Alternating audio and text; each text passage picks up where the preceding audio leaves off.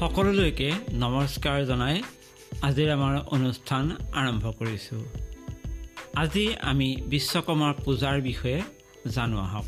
বিশ্বকৰ্মাৰ পূজাত কি কি দ্ৰব্যৰ প্ৰয়োজন হয় এই পূজাৰ মন্ত্ৰভাগ কেনেকুৱা আৰু এই পূজাৰ লগত জড়িত আনুষংগিক কথাও ইয়াত জড়িত হৈ থাকে। আমি জানো আহক।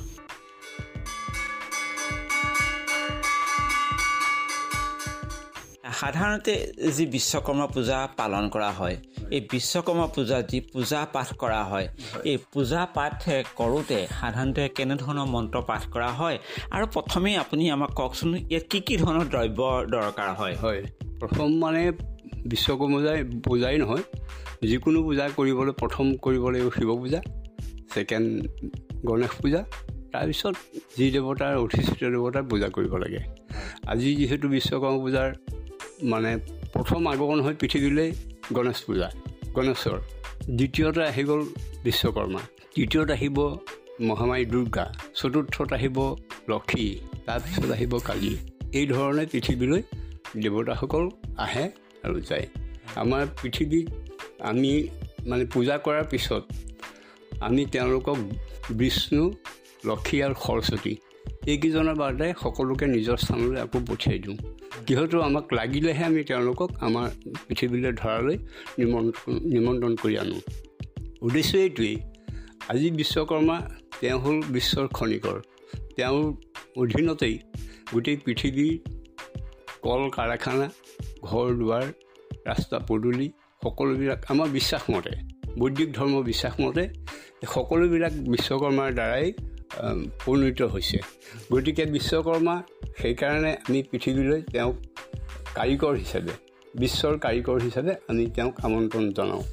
তেওঁ পৃথিৱীলৈ অহাৰ পিছত আমাৰ প্ৰথম আমি দুৰ্গা দেৱীৰ যিবিলাক মণ্ডপ দ্বিতীয়তে যিহেতু আহিব তেওঁ মণ্ডপ যিবিলাক সেইবিলাক নিৰ্ধাৰণ কৰি থৈ যায় বুলি আমাৰ বৈদিক ভাৱত বিশ্বাস। গতিকে তেওঁ সকলো পৃথিৱীৰ সকলো কাৰিকৰী বিভাগৰ যিমান যন্ত্ৰ পাতি আছে তেওঁ অধি অধীনতেই তেওঁৰ দ্বাৰাই সৃষ্টি হয়। গতিকে বিশ্বকৰ্মাৰ মূল মন্ত্ৰ হ'ল বিশ্বকৰ্মা মহাভাগ সুচিত্ৰ কৰ্ম কাৰক বিশ্বৰূপ বিশ্বধিক তঞ্চ বাচন দণ্ডধিক চতুৰ্চ্যুত গজাৰৈহ চুৰশিল্পী মহাবল সুচিন্তু মস্তকে দেৱ কেৰুৰা কুণ্ডল অমৃত। এইটো হ'ল বিশ্বকৰ্মাৰ বিশ্বকৰ্মাৰ মূল মন্ত্ৰ। বিশ্বকৰ্মাৰ মূল মন্ত্ৰ এইটো। বাদ বাকী তেওঁৰ লগতে চিধা আমি বিশ্বকৰ্মা পূজাকে নকৰোঁ আমাৰ পূজা পদ্ধতিটো অকণ বেলেগ। পূজা পদ্ধতি হৈছে মই কৈছোঁৱেই প্ৰথম। প্ৰথম হ'ল শিৱবিহীন পূজা হ'ব নোৱাৰে। শিৱ হ'ল প্ৰথম পূজাৰ অধিকাৰী। তেওঁ পূজা কৰিবই লাগিব। দ্বিতীয়তে তেওঁ পুত্ৰ গণেশৰ পূজা কৰিব লাগিব। তৃতীয়তে আমি আদিত্যাদি গ্ৰহেশ্বৰ দেৱতা আৰু ইন্দ্ৰাদি দশকপাল দেৱতাসকলক পূজন সেৱন কৰাৰ পিছতহে আমি মূল দেৱতা আজি যি দেৱতাৰ পূজা দৰকাৰ সেই দেৱতাৰ আমি পূজা কৰিম। তেতিয়া বিশ্বকৰ্মা পূজাৰ হ'ব। এতিয়া এইদৰে পূজাসমূহ কৰা হয়। এইটো মূল মন্ত্ৰ হ'ল বিশ্বকৰ্মাৰ কিছুমান মন্ত্ৰ বহুত মন্ত্ৰ আছে যে জৱা কুচুমং শংকাচং কাশ্যপেয়িং মহাদুতিম ধান্তাৰিং সৰ্বাপাভগ্নং কণ্ঠচিম দিবাকৰ দিবাকৰম এইটো হ'ল মানে নৱগ্ৰহৰ স্তোতম। এই নৱগ্ৰহৰ স্তোতম যাৰ মনত থাকে তেওঁ নৱগ্ৰহ সদায় তেওঁৰ প্ৰতি সন্তুষ্ট হয়। আমাৰ বৈদিক ভাৱত বিশ্বাস আছে। এইটো হ'ল সেয়াই। আকৌ গণেশৰ পূজা গণেশ পূজা কৰিব লাগে। এইদৰে সকলো পূজা কৰি পেলাই আমি শেষত মূল দেৱতাৰ পূজাভাগ আমি পূজা কৰিবলৈ পাৰোঁ। এই বিশ্বকৰ্মা পূজা পালন কৰিলে সাধাৰণতে কি কি দ্ৰব্যৰ আমাৰ বৰ দৰকাৰ হয়? আচ্ছা দ্ৰব্যৰ দৰকাৰ হ'ল বিশেষ আমাৰ প্ৰথম প্ৰতিমা লাগিল তাৰপিছত আমাক ঘট লাগিল ঘটত পঞ্চপল্লৱ কাপোৰ লাগিল সেন্দুৰ লাগিল নাৰিকল লাগিল এইদৰে হ'ল। তাৰপিছত দৈ এমাহ ঘি মৌ চেনি এইখিনি আমাৰ মধুপৰ্কৰ উদ্দেশ্যে লাগিল। তাৰপিছত ফল ফল আহাৰ মগু বুটকে আদি কৰি ফল ফল আহাৰ এইখিনি লাগিল। ধূপ দীপ লাগিল। ঘিউ বন্তি গছ লাগিবই কম্পালচৰি। তাৰপিছতো আপোনাক তেওঁ স্নান কৰিবৰ কাৰণে আমি আৰু যাৱতীয় যিখিনি বস্তু আছে ধৰক ঘি দৈ এমাহ ঘিউ মৌ নাৰিকলৰ পানী কুঁহিয়াৰ ৰস এইদৰে বহুত দ্ৰব্যৰ দ্বাৰা আমি তেওঁক স্নান কৰিব পাৰোঁ। স্নান কৰাৰ পিছত দেৱতাক পূজা কৰিবলৈ প্ৰথম মূল দেৱতা পূজা কৰিবলৈ হ'লে তেওঁক বহুৱাবৰ কাৰণে আমি এখন সোণৰ এখন লাগে নিয়মমতে আমি সকলো সম্ভৱ নহয় কাৰণে আমি ব্যৱস্থা কৰি লওঁ তেনেকুৱা। তাৰপিছতে পাদ্যঘৰ বুলি আমি পোখা অঘা ঘণ্টা চৰিয়া এই বস্তুখিনি লাগে। তাৰপিছতে মধুপৰ্ক লাগিল। তাৰপিছত তেওঁক পিন্ধিবৰ কাৰণে বস্ত্ৰ দিবলগীয়া হ'ল। তাৰপিছত তেওঁ পিন্ধিবৰ কাৰণে খৰম লাগিল ছত্ৰ লাগিল। তাৰপিছত তেওঁ আৱৰণত যিখিনি তেওঁ পিন্ধন সাজ পোছাক। সেই সাজ পোছাকৰ কাৰণে মানে কাপোৰ কানি লাগিল তাৰপিছত নৈবদ্য লাগিল। এইখিনি। তাৰপিছত হোম হ'বৰ কাৰণে লাগিল আপোনাৰ ঘিউ লাগিল। তাৰপিছতে তিল চাউলেৰ সৈতে হিম দিব পাৰে নহ'লে বেলপাতৰ সৈতে দিব পাৰে যিকোনো এটাই দিলেই হ'ল। তাৰপিছত আমখৰি লাগিল বাঁহৰজোৰ এটা লাগিল ঘিউ ল'বলৈ এটা চৰিয়া লাগিল বা এটা পাত্ৰ লাগিল হোমবাৰী লাগিল আৰু ব্ৰাহ্মণ লাগিল।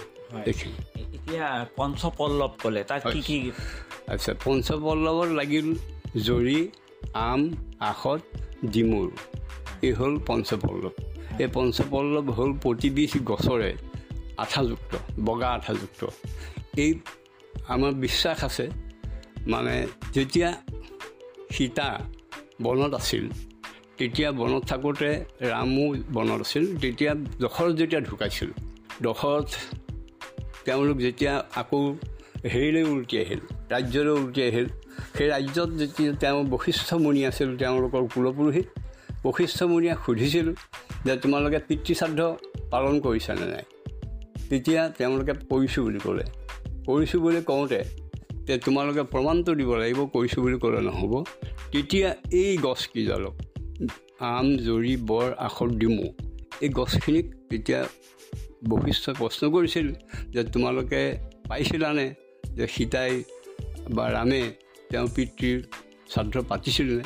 তেতিয়া তেওঁলোকে সঁচা কথা ক'লে যে হয় আমি আমাকেই বহুৱাই তেওঁ পূজা পাতিছিল শ্ৰাদ্ধ পাতিছিল কিন্তু তাতে কিছুমান তুলসীয়ে মিছা কথা ক'লে বুলি আমাৰ প্ৰবাদ আছে। সেই গতিকে তেওঁ তুলসী খাপ দিলে দুবৰি খাপ দিলে। কলগছৰ খাপ দিলে তেওঁলোকে ক'ব নোৱাৰিলে ভয়ত ক'ব নোৱাৰিলে কিয় ক'ব নোৱাৰিলে সেইটো নাজানো। নাজানো কিন্তু তেওঁলোকে তেওঁলোকক খাপ দিছে। গতিকে পঞ্চপল্লৱত এই তেতিয়াৰ পৰাই পঞ্চপল্লৱ পূজাৰ কাৰণে দৰকাৰী। আপুনি শেষত আমাৰ ৰাইজৰ হিতৰ কাৰণে এটা মন্ত্ৰ ঔম বিশ্বকৰ্মা মহাভাগ সুচিত্ৰ কৰ্মকাৰক বিশ্বৰূপ বিশ্বধিক। তঞ্চবাচন নাম দণ্ডধিক চতুৰ্চুত গজাৰূঢ় চুৰশিল্পী মহাবল সুচিন্তু মস্তকে দেৱ কেৰুৱা কুণ্ডল অম্বিত ঔম বং বিশ্বকৰ্মানে নম। ওম তৎসত ওম তৎসত ওম তৎসত স্বস্তি কল্যাণ নমস্ত।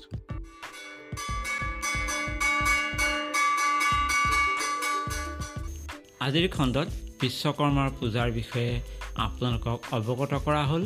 লগতে এই পূজাত কি কি ধৰণৰ সামগ্ৰীৰ প্ৰয়োজন হয় এই বিষয়েও অৱগত কৰা হ'ল। তেনেহ'লে আজিৰ খণ্ড ইমানতে সামৰিছোঁ। নমস্কাৰ।